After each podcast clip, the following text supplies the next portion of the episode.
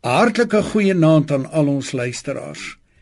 Ek wil vanaand met ons deel oor wat die Bybel sê oor hoe belangrik dit is om te gee. Toe Jesus op aarde was, het hy geleer: "Gee en aan julle sal gegee word. 'n Goeie maat wat ingedruk en geskit en oorlopend is, sal hulle in julle skoot gee, want met dieselfde maat waarmee julle meet, sal weer vir julle gemeet word."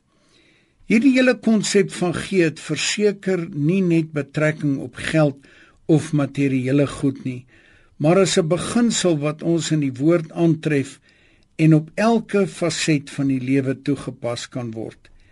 Hierdie gee geld byvoorbeeld of liefde of enige iets wat jy aan ander bewys.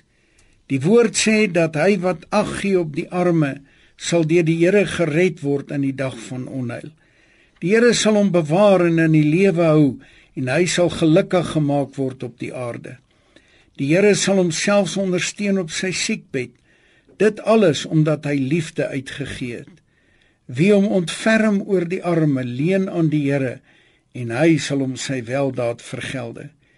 Hierdie beginsel is ook van toepassing op ons tyd, ons geld, ons talente, ons vriendelikheid of enige faset van ons lewens. Paulus beskryf dit as 'n proses van saai en oes.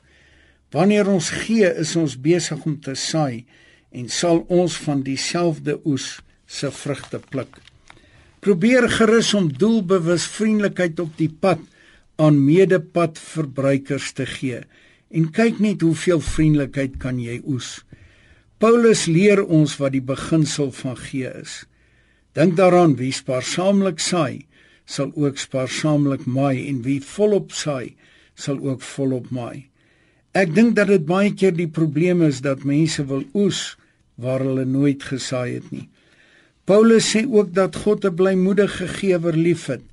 Wat ons ook al gee, moet ons asof vir die Here gee met die hoofmotief om hom daarmee te verheerlik.